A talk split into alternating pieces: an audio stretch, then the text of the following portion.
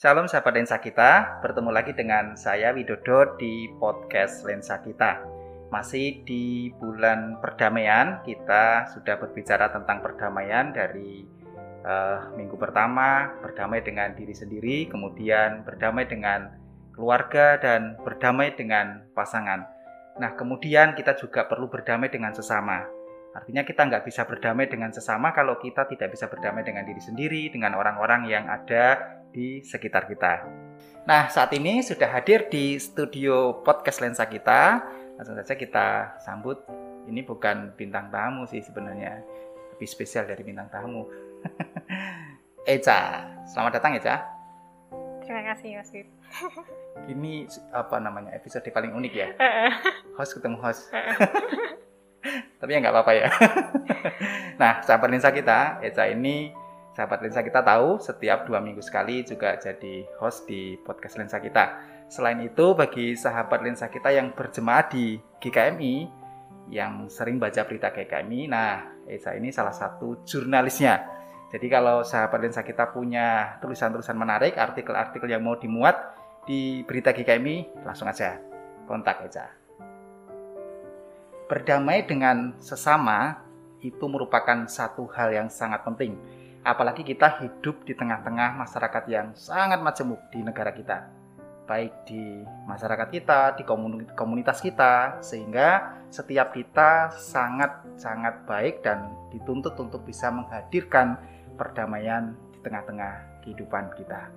Nah, Eca, menurut Eca ini, apakah perdamaian dengan sesama itu hanya sebatas kemudian kita menjalin relasi nggak berantem terus hmm. nggak apa namanya selisih pendapat hmm. nah menurutmu gimana uh, sebenarnya setiap masing-masing orang tuh pasti punya pendapat soal pengertian mereka soal arti kata damai itu sendiri ya. Uh Mungkin ada yang beranggapan bahwa mereka itu merasa damai ketika mereka bisa uh, berelasi dengan orang-orang yang mereka kasihi dan hmm. mereka mendapatkan kasih itu bagi mereka hmm. bagi mereka itu ada sebuah kedamaian ada juga orang yang menganggap bahwa diri mereka tuh bisa merasakan kedamaian itu ketika mereka punya uang banyak misalnya.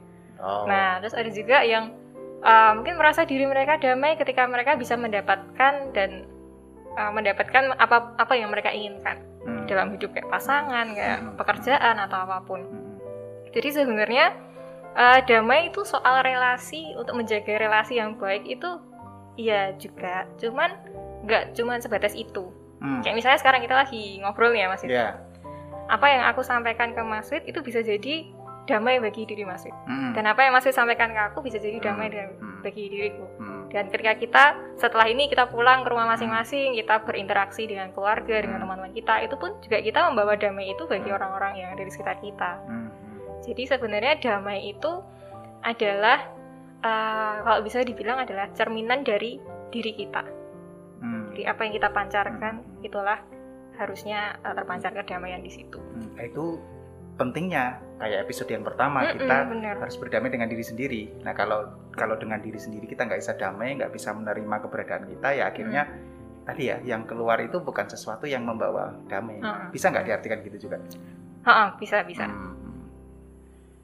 Di dalam kehidupan sehari-hari saat ini Eca kerja ya mm. nah sudah bekerja tentunya ada relasi dengan teman-teman sekantor gitu ya. Hmm. Relasi dengan klien itu pasti. Kemudian berrelasi di tengah-tengah keluarga, berrelasi di tengah-tengah komunitas dan berrelasi di tengah-tengah masyarakat. Mungkin punya pengalaman secara pribadi untuk kemudian kita kehadiran kita itu bisa mempengaruhi kemudian atau membawa atau mengusahakan perdamaian di tengah-tengah mereka. Hmm. Uh, kalau aku bicara secara umum mungkin setiap dari kita pasti pernah melakukan itu mas di keseharian gitu. Yeah. Misalnya kayak sekarang uh, kita kan pakai uh, internet kan. Sekarang uh. coba internet pakai kita pakai media sosial. Ketika ada orang yang mengeluarkan apa ya misalnya pasang status yang kira-kira itu kontroversial gitu kan. Uh Jadi kan kita nggak bisa bukan nggak bisa.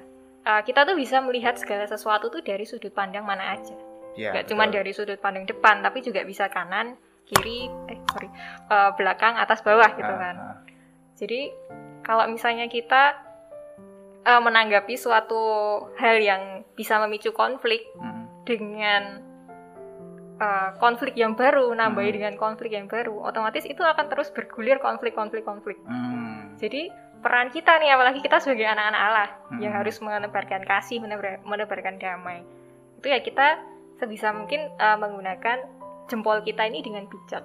Kalau misalnya di medsos, oh, okay. karena jempol kita ini men, apa ya, mewujudkan apa yang akan kita omongkan. Uh, uh. Dan mulut kita yang kita omongkan itu mencerminkan apa yang ada di dalam pikiran kita. Yeah.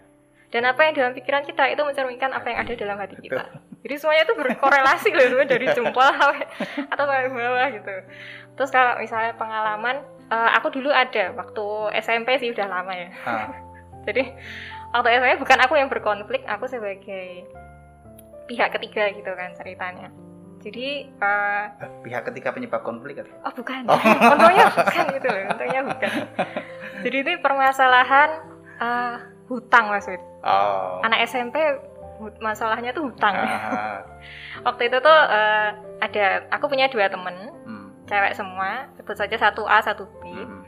Nah yang B ini dia tuh uh, pinjem uang ke A, hmm. karena untuk beli pulsa atau apa aku lupa gitu. Akhirnya si A minjemin Nah, tapi kemudian aku melihat mereka itu berantem. Hmm. Terus aku tanya ke A, kalian ada masalah apa gitu kan? Terus si A cerita bahwa ketika dia pengen uang itu kembali, hmm. si B itu uh, pakai berbagai macam alasan terus-menerus untuk nggak mengembalikan uangnya gitu kan. Hmm. Jadi si A merasa kok nggak kembali-kembalikan uangku. Hmm. Nah, terus habis itu si B datang ke aku juga masih. Hmm, hmm. Terus dia tanya, Eca kamu ikut marah nggak sama aku? terus aku bilang ngapain itu bukan soalnya kan itu bukan urusanku aku ya gak bakal marah ke kamu kan tapi terus akhirnya si B cerita kalau sebenarnya uh, dia emang benar pinjem uang si si A tapi karena kondisi keluarganya si B itu keuangannya sedang nggak bagus jadi dia nggak bisa mengembalikan secepatnya gitu nah tapi mungkin komunikasi mereka kurang bagus kan. Nah di situ peranku aku nggak tahu waktu itu aku sudah mikirin kayak gitu. Peranku aku nggak boleh jadi penambah masalah kan aku bisa aja masih mengadu domba mereka ya kan? Ya di situ cerminan uh, ketika kita membawa damai membawa kasih di tengah-tengah kehidupan teman-teman kita itu kita jadi penengah nih. Kita hmm. jadi mediator. Jadi aku ngomong ke A kemarin B ngomong ke aku kalau kayak gini hmm. Terus aku ngomong ke B kalau kemarin A ngomong aku kayak gini. Nah sekarang kalian selesaikan. Akhirnya beberapa hari kemudian mereka hai lagi gitu. Jadi oh ternyata uh, hal kecil kayak gitu yang bisa maksudnya aku lihat dari sisi yang lain kan berarti. Hmm. itu ternyata bisa membawa perdamaian bagi mereka dan bagi kita teman-temannya hmm. juga gitu. Ya itu simple ya hmm. tentang kita nulis di sosmed. Tapi nggak semudah kemudian ketika kita ngomongkan ya. Karena oh, orang kadang ketika sedang emosi dia harus menguapkan ke mana itu hmm. mungkin karena dia nggak punya tempat untuk mencurahkan perasaannya akhirnya yang ada cuma handphone karena teman dekatnya ya sudah dicurahkan ke situ. Uh, uh. Lalu yang kedua itu yang menarik sekali tapi nggak mudah kemudian kita menjadi orang yang betul-betul netral tadi. Kalau hmm. kita berada di antara orang lain yang sedang berkonflik, seringnya kita akan terjebak kepada memihak ke salah satu. Iya, nah, itu yang yang harus di apa namanya yang seperti saya katakan tadi. Kemudian kehadiran kita itu memang betul-betul bisa mem memperdamaikan gitu ya, hmm. bukan memperkeruh suasana. Oke, menarik sekali. Nah, ini Cah. Jadi orang berkonflik itu karena berelasi, hmm. betul nggak? Hmm. Kalau misalnya saya dengan Eca nggak kenal, kita nggak akan pernah konflik, iya kan? Bisa jadi. Setuju kan? Nah, hmm. kita itu konflik karena kita berelasi, bisa itu berelasi di keluarga, berelasi di pekerjaan, teman sekantor, berelasi di komunitas, hmm. bahkan berelasi di gereja. Hmm. Nah, karena konflik itu disebabkan oleh kita berelasi, kira-kira gini kemudian supaya nggak terjadi konflik supaya semua itu damai-damai saja lebih baik saya menutup diri nggak usah berrelasi Relasi. gimana menurutmu? Gimana kalau gitu? Uh, kalaupun ada orang yang seperti itu itu pilihan hidup dia. Tapi, tapi tapi kan pada dasarnya kita makhluk sosial lah nah, kalau kita nggak berrelasi itu kayaknya hidup itu ada yang kurang. Yeah. dan itu kayak apa ya mungkin mungkin juga uh, ada orang-orang yang setelah mereka sekian lama berrelasi mereka uh. mendapatkan kepahitan mereka uh. disakiti terus hmm. akhirnya mereka memutuskan untuk menutup diri misalnya uh. itu bisa saja terjadi sih cuman uh, ya keputusan ada di orang itu lagi uh. dia mau istilahnya berdamai dengan dirinya sendiri dulu nah, nggak untuk uh. akhirnya bisa uh, bisa kembali berinteraksi dengan orang lain gitu hmm. karena kalau hidup sendirian itu juga malah konflik dengan dirinya tuh, sendiri ya. Oh, oh berkonflik dengan diri sendiri. Ya justru karena kita makhluk sosial dan Tuhan mengatakan supaya kita hadir dengan membawa perdamaian itu uh, ya kan. benar, benar. nah itu.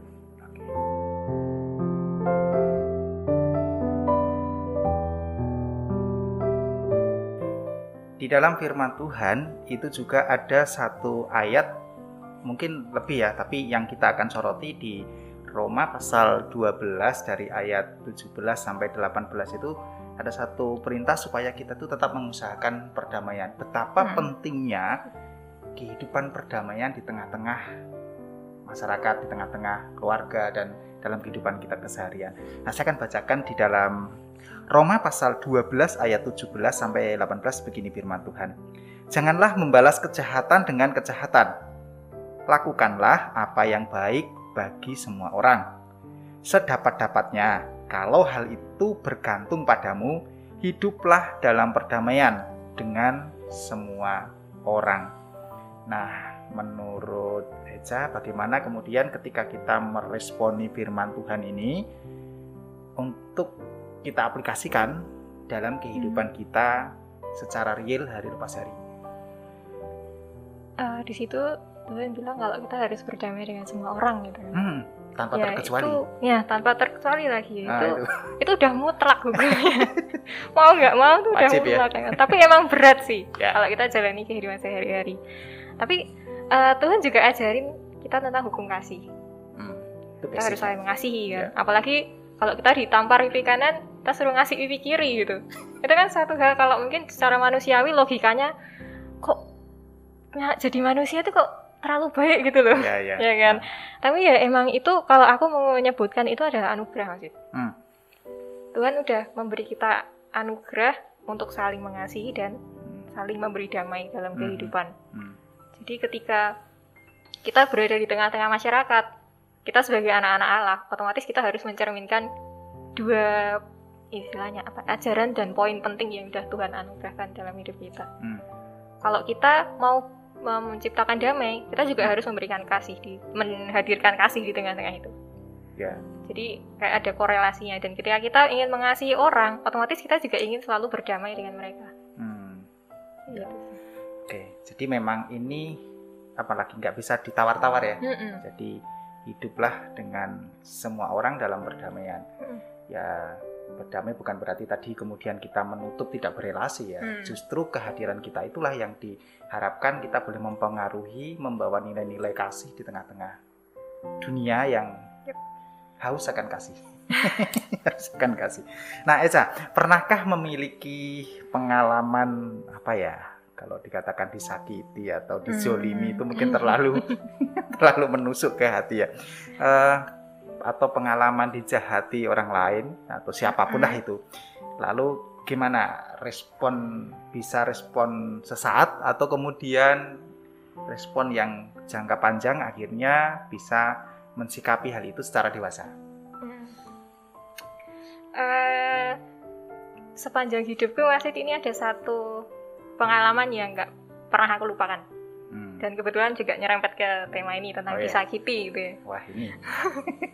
uh, waktu aku kuliah di Jogja, aku pernah hmm. uh, ke bertemu dengan apa ya seorang pendeta gitu. Terus oh. kita apa kayak mengadakan konseling bareng-bareng teman-teman gitu. Hmm. Nah dia mengajarkan tentang berdamai dengan masa lalu. Hmm. Kemudian dia menyebutkan kalau misalnya kita uh, belum bisa berdamai dengan masa lalu itu ketika kita mengingat peristiwa itu kita akan sakit hati hmm. otomatis akan emosi dan nangis kan yeah. eh sorry nah ketika aku mengingat kejadian itu aku nangis hmm. padahal dalam uh, dalam apa ya dalam pemikiranku aku sudah bisa berdamai dengan hal itu hmm. aku sudah memaafkan dia gitu dan ya berusaha untuk melupakan kejadian itu itu kan juga udah kejadian lama tapi hmm. kemudian ketika pendetanya bilang gitu oh ya berarti uh, itu menyadarkan aku bahwa aku sebenarnya belum bisa um, berdamai dengan sepenuhnya gitu jadi ceritanya kayak gini mas uh, karena waktu itu SMA kan penjurusan hmm. nah kebetulan aku berada di kelas di mana penjurusan itu uh, jurusannya kurang populer gitu di sekolah. Peminatnya sedikit. Uh -uh, sekelas cuma sembilan orang termasuk Waduh. aku. Jadi udah kayak les-lesan gitu kan, uh -huh. kelas les-lesan. Nah otomatis kan kita harus saling berteman satu sama lain harus akrab kan. Hmm. Ada satu temen cewek, ya biasanya kan kalau cewek-cewek uh, biasa lebih bisa akrab gitu kan. Hmm. Nah aku pengen akrab sama anak ini gitu. Hmm. Dia juga sama, pengen sama aku juga.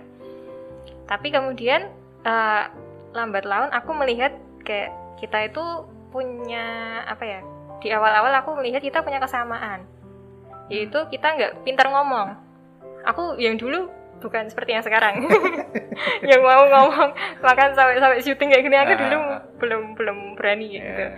atau terus aku uh, menemukan solusi di mana oke okay, kita kalau mau ngobrol kita lewat surat Oh, iya? Jadi aku aku tulisin surat ini kayak misalnya kamu dulu dari kota mana, terus terus kayak warna kesukaanmu apa dan lain-lain itu. Uh. Terus jadi kita satu kelas setiap hari ini ketemu. Tapi kemudian kita surat-suratan komunikasinya. Hmm. Karena kalau kita ngomong secara langsung empat mata gini agak tidak bisa gitu kan, tidak oh, berani iya, saling iya. diem-dieman. Nah, gitu. akhirnya kita bisa saling kenal lewat surat itu, masih teknik itu.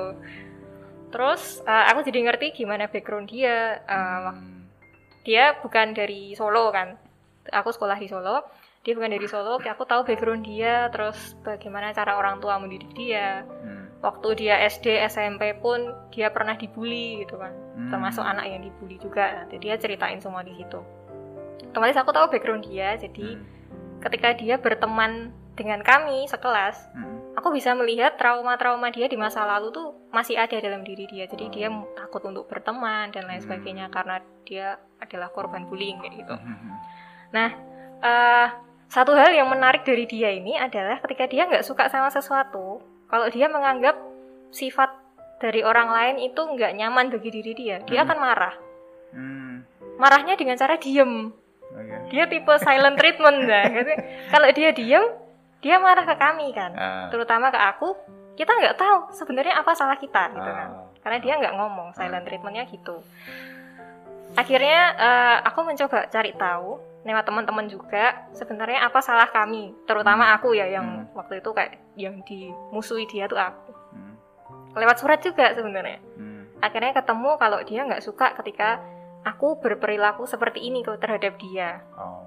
tapi mungkin kalau uh, bagiku dan teman-teman itu adalah hal yang wajar yang hmm. biasa gitu tapi bagi dia itu udah nyakitin hatinya sampai akhirnya wali kelas kami itu sampai turun tangan mas oh iya. menyelesaikan masalah kita berdua itu sampai wali kelas banget. turun. Akhirnya dia eh, wali kelas ini kemudian memediasi kami.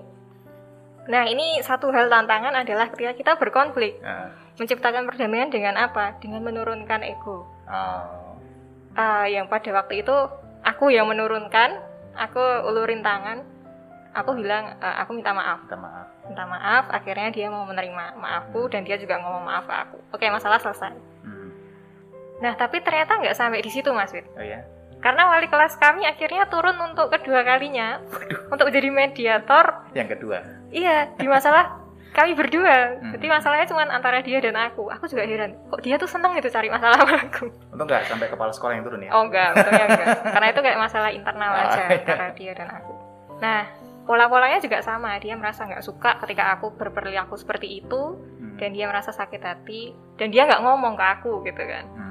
Kebetulan aku juga pada waktu itu orangnya kalau marah nge silent treatment juga jadi sama aku silent dia silent ya udah siapa yang mau ngomong gitu nggak bakal selesai. Nah, uh, tapi untungnya ada teman-teman kami yang akhirnya membantu untuk uh, sebenarnya apa sih masalahnya. Akhirnya hmm. dia mereka mengkomunikasikan kami, hmm. akhirnya bisalah turun sampai ke wali kelas gitu. Hmm. Dan di tempat yang sama waktu itu di tangga di depan kelas, wali kelas tuh kemudian ngomong lagi, yaudah sekarang permasalahannya seperti ini, kamu mengakui nggak kalau uh, emang kayak gitu masalahnya? Dan temanku tuh, iya emang kayak gitu masalahnya, dan aku nggak suka kalau kayak gitu dia ngomong gitu. Hmm uh, jujur aku waktu itu udah males mas mm-hmm. masalahnya sama kan yeah. diulangi kedua kali jadi kayak ah apaan sih ini ya udahlah aku minta maaf aja kan gitu tapi minta maaf ya ya udah tak minta maaf gitu kan kalau yang sebelumnya kan aku harus minta maaf oh, supaya kita oh. bisa berdamai yeah, yeah, karena yeah. kan masih ada satu tahun ke depan kita sekelas uh. Akhirnya di situ aku yang pertama kali menjulurkan tangan lagi gitu kan. Oke aku minta maaf gitu.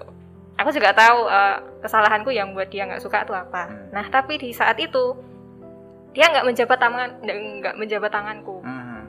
sampai wali kelasnya wali kelas kami tanya loh ayo ini Eca udah nganu loh dan julurkan tangan. Kasihan ah. capek nanti oh, gitu kamu kok nggak mau minta maaf? Hmm. sekitar satu menitan aku kayak gini terus masih nunggu ini di tangga gitu duduk akhirnya uh, wali kelas kami terus kayak mem, istilahnya apa ya membujuk dia supaya egonya bisa luluh gitu kan akhirnya oh. dia mau jabat tanganku terus dia ngomongin kata maaf oh. tapi mungkin karena uh, konflik kedua itu mungkin permaafan permaafannya tuh gak sepenuh hati mungkin yeah, yeah. dari sisiku juga aku meminta maaf supaya masalah ini selesai hmm. Akhirnya ada masalah lagi hmm. itu di kelas ketika kami kelas 3 saat-saat persiapan ujian gitu kan hmm. ada masalah yang menurut dia itu sudah paling fatal bahkan dia mengatakan ke di surat hmm. kami surat-suratan lagi hmm. uh, dia ngomong kalau ada dia punya daftar blacklist wow mungkin ini baru ya bagi sahabat lensa kita nggak apa aku buka ini kan aku buka karena ini adalah pengalaman yang iya. menurutku cukup menarik juga buat pelajaran kita. Dia punya daftar blacklist orang-orang yang dia nggak suka dalam hidupnya. Oh, segitunya ya? Dia sebutin nama-nama orang ini dan orang-orang ini siapa gitu. Uh -huh. rata-rata itu adalah teman-teman yang dia merasa mereka membuli dia. Gitu. oh. dia pernah ngomong ke aku jangan sampai kamu ada namamu di daftar blacklist ini.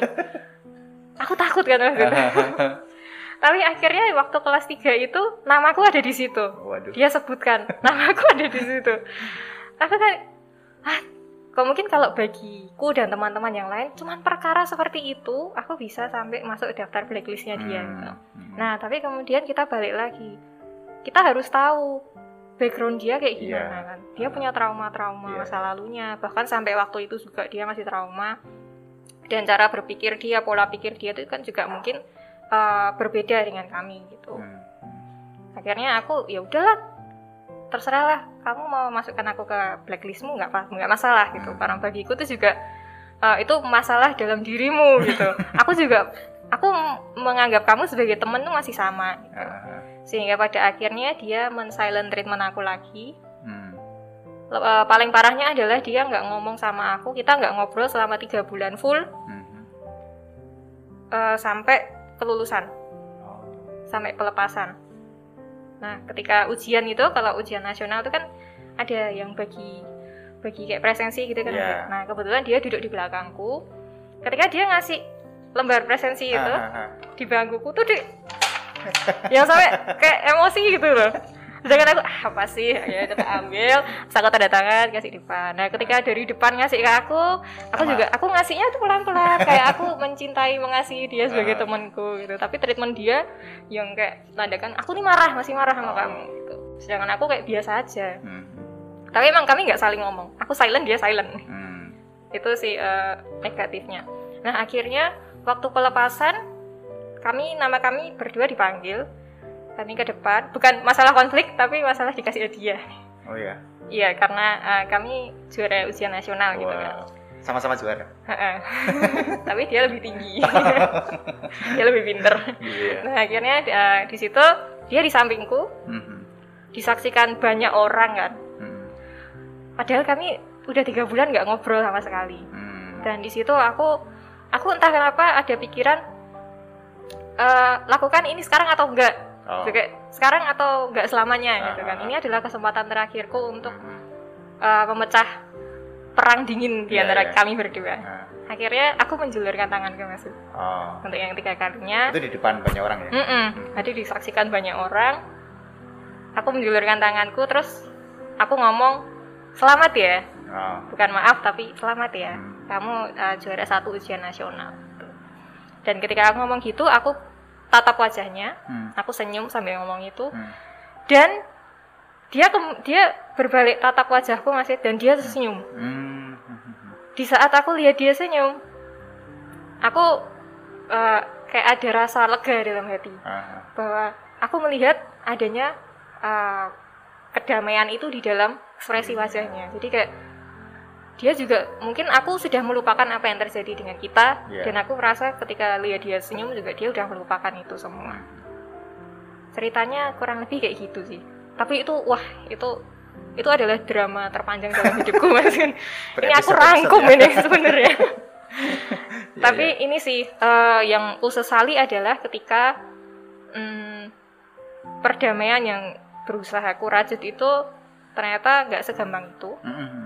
Dan bahkan ketika aku terakhir itu salaman setelah itu kami ke bangku gitu kan turun yeah. dari panggung yeah. kami ya kayak teman biasa oh. bahkan sampai sekarang kami uh, masih chattingan gitu oh. kadang di Instagram juga masih kayak teman biasa kayak hmm. gak ada konflik hmm. cuman uh, kan aku tadi di awal bilang kalau kita mengusahakan perdamaian kita juga mengusahakan kasih dan Betul. kasih di situ juga ada misalnya kita berkonflik kita ngomongin kata maaf yeah. Di endingnya huh. di ending konflik kami aku nggak mengucapkan kata, kata maaf itu, ya. jadi sampai sekarang pun itu masih ganjil sebenarnya. Aku sudah berdamai dengan masalah itu, aku sudah berdamai dengan dirinya dan diriku sendiri. Tetapi aku masih ada ganjil karena aku belum mengucapkan kata maaf itu. Hmm. Jadi Tapi kan masih bisa dilakukan. Iya, semoga. Masih ada kesempatan ya? Masih ada kesempatan. Dan aku berharap semoga kan, suatu saat kita bisa berketemu yeah, yeah. ketemu gitu kan. Karena kita beda lokasi juga. Hmm. Terus aku pengen ngomong langsung empat mata, nggak usah pakai surat-suratan gitu kan. Lagi sekarang udah udah lebih dewasa juga untuk menyikapi suatu konflik aku pengen minta maaf ke dia sehingga damainya itu bisa secara utuh oh, aku yeah. ras aku dan dia rasakan kayak gitu tapi uh, aku dari pengalamanku ini aku memetik satu hal mas kalau hmm. aku nggak mau menyesali aku pernah mengalami hal itu hmm. jadi apa yang aku alami dan konflikku dengan dia ini adalah sebuah pembelajaran tersendiri bagi diriku untuk bagaimana memperjuangkan perdamaian, bahkan hmm. berusaha untuk selalu jadi yang pertama untuk minta maaf hmm. dan introspeksi diri juga kita harus mengerti yeah. kondisi orang lain kayak gitu. Hmm. Menarik ya ceritanya panjang sampai lupa aku tadi ceritanya apa. Oh, mau ulangi lagi ya? Jangan. Kasihan nanti yang mengikuti ketika kita ingin mengusahakan perdamaian atau kemudian kita menjadi pembawa damai, tentunya ada hambatan itu pasti ya. Ada hambatan, ada tantangan, ada macam-macam yang yang kemudian tidak membuat usaha kita itu semulus yang kita hmm. inginkan gitu ya, seperti tadi pengalamannya Eca. Lalu menurut Eca apa itu kira-kira? Lalu tips-tipsnya supaya uh, mungkin kita ngalami kayak gini tapi kita tuh mau melakukannya masih sulit gitu. Hmm. Nah, gimana aja menurutmu? Uh, karena membawa damai adalah keharusan dari anak-anak Allah. Hmm. Jadi emang itu mandatnya bagi kita. Gitu. Yeah. Dan mau nggak mau kita juga harus menjalani itu masih. Hmm. Nah, tapi emang ada tantangannya. Kayak misalnya ketika, ketika kita menghadapi konflik kayak aku tadi kan. Hmm. Uh, sebenarnya udah ada sih maksud aku omongin waktu aku cerita itu. Iya, iya, iya. Uh, tipsnya itu. Yang pertama otomatis adalah ego kita tantangan uh, terbesar itu adalah ego kita. Diri kita sendiri sebenarnya mm -mm, ya. diri kita sendiri. Jadi memang uh, ketika kita menghadapi konflik otomatis kan ego kita uh, kayak melindungi diri nih. Bukan kamu bukan aku yang salah yeah. kamu kamu yang salah harga diri juga ya iya. Mereka duluan yang mulai bukan aku. Jadi bukan aku yang harus minta maaf kan gitu. Nah di situ konflik pertama tuh ada sebenarnya di situ uh, hal yang terpenting pertama itu jadi berdamai dengan diri sendiri Betul. itu adalah kunci pertama ya, untuk kita setuju. bisa memperjuangkan perdamaian dengan yang lain. Hmm. Jadi ketika kita berdamai dengan diri sendiri, kita menganggap bahwa ketika ada masalah, hmm. kita harus lihat dari sudut pandang yang, lain, yang lain juga. Hmm. Dan bahwa ketika kita menjadi orang yang pertama kali menjulurkan tangan untuk minta maaf, hmm. itu bukan berarti kita merendahkan harga diri kita Betul. di hadapan orang itu. Betul. Tetapi kita sedang memperjuangkan perdamaian kita memperjuangkan rekonsiliasi supaya damai itu terjadi gitu. Dan ketika kita minta maaf kan otomatis reaksi orang kan eh kok dia bisa ya minta maaf duluan ya? Hmm. nah kemudian ada kan orang-orang ketika gitu padahal kan yang salah aku sebenarnya. Jadi kan yeah. otomatis langsung malu gitu kan aduh kok dia dulu? Ya udah aku juga minta maaf. Akhirnya kemudian ah. bisa rekonsiliasi. Itu yang pertama adalah ego. Terus yang kedua kita harus tahu kondisi orang lain ketika kita mau memperjuangkan kedamaian kita harus tahu uh, mereka punya kebiasaan apa pola pikir mereka background mereka gitu kayak temanku hmm. tadi kan kita ternyata punya perbedaan oh. jadi jangan jadikan perbedaan itu adalah sebagai sumber masalah hmm. kayak yang udah ya, ya. dibahas ya. Masih sama ya, Kak Arut kemarin gitu kan betul, betul, betul. berarti kita harus apa ya saling memaklumi gitu ah. menghargai dan kita bisa menjadikan itu sebagai contoh bukti dari toleransi kita terhadap sesama hmm Kalau kita toleransi kan otomatis kita memberikan damai juga Betul. bisa sama. Nah, terus yang terakhir itu karena kita uh, menjalin relasi dengan orang-orang itu, kemudian ketika kita berkonflik, kita harus lihat kita kan pasti punya kenangan-kenangan indah bersama dengan mereka ya, sebelum betul. kita berkonflik. Sebelum konflik, mm -hmm. ya. Jadi itu kenangan indah itu adalah sebagai uh, pengingat bagi kita hmm. bahwa ini loh, kamu tuh sudah pernah uh, melakukan dan juga mengalami hal-hal yang menyenangkan dengan orang ini, bahkan senang sedih bersama misalnya. Ketika ada suatu masalah yang mungkin kita anggap ini sepele banget jangan sampai ini merusak kenangan baik yang hmm. ada sebelum ada masalah ini ataupun ketika uh, masalah ini adalah sebuah masalah yang kita anggap sangat serius kemudian kita harus memutuskan hubungan hmm. ya itu uh, hak kita masing-masing tetapi bagaimana cara kita menyelesaikan permasalahan itu uh, dalam konteks ini kita nggak boleh dong menyelesaikannya dengan baku hantam misalnya atau dengan konflik yang baru gitu ya selesaikanlah dengan dewasa secara ah. dewasa uh. dengan uh, saling terbuka bahwa yeah. aku nggak bisa menerima seperti ini uh, okay. kemudian perdamaian itu tentu akan tercipta gitu terus uh, ini mungkin agak kasar mas oh ya mungkin jadi kalau misalnya kita ingin memperjuangkan perdamaian dengan orang lain uh otomatis kan kita harus berdamai dengan diri kita sendiri. Yeah. Tapi ketika kita memiliki uh, dendam, hmm. ketika kita memiliki musuh hmm. dalam diri kita, dalam hidup hmm. kita, kita punya musuh nih, hmm. yaitu namanya munafik. Kalau kita ingin menciptakan perdamaian, kalau kita masih punya musuh, kita masih punya dendam dengan orang lain. Belum beres ya diri kita. Kita harus membereskan diri kita sendiri dengan cara berdamai dengan diri kita yeah. sendiri. Kembali lagi ke iya, awal. Iya, itu cuma siklusnya tuh muter-muter yeah. gitu sebenarnya. Makanya itu dulu jadi pembicaraan di topik pertama. Betul. Ya, yang terakhir ini kesimpulannya sebenarnya aku rangkum dari awal sampai iya, akhir. gitu.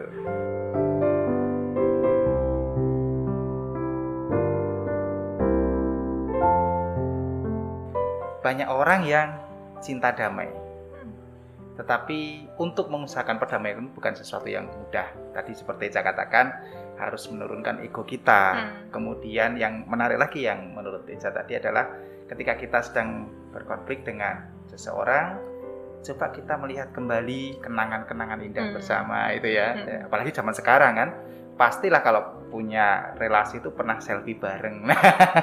Coba itu dilihat, oh iya ya dulu ternyata pernah foto bareng gitu ya. Hmm melihat kemesraan atau apanya kedekatan waktu itu nah itu kemudian bisa menimbulkan rasa ngapain kemudian kita hmm. saling mempertahankan ego masing-masing. Nah ini menarik sekali. Kemudian yang berikutnya adalah kita harus beres dengan diri kita sendiri. Beresin dulu diri kita sendiri kemudian kita bisa beres dengan orang-orang yang ada di sekitar kita dan kemudian juga bisa berdamai dengan masyarakat luas. Hmm. sesama kita yang berbeda keyakinan beda etnis beda budaya, beda macam-macam lah ya yang ada di sekitar kita yang kita temui setiap hari. Terima kasih Eca untuk sharingnya di episode yang sangat spesial ini. Gimana rasanya Eca jadi bintang tamu? Biasanya kan duduk di sini jadi host ternyata rasanya gini ya ini yang mas rasakan minggu lalu kan? Ah, iya dong. Ya itu kayaknya. Gitu ya. Sama ya. lah. Nanti kita sudah sama-sama merasakan. Ya, gantian gantian teman-teman yang lain iya nanti ya. kameramen dengan kameramen gitu ya -uh. di sini. Terus kita ya nyoteng ya. Nah gantian supaya semua memang merasakan. Nah, hmm. karena memang konsep uh, podcast lensa kita ini kan dari kita untuk kita untuk semua kita. gitu. Jadi supaya kita semua bisa saling berbagi hmm. mengenai pengalaman hidup dan tentunya tentang firman Tuhan Sahabat lensa kita, kita sudah sampai di penghujung episode kali ini.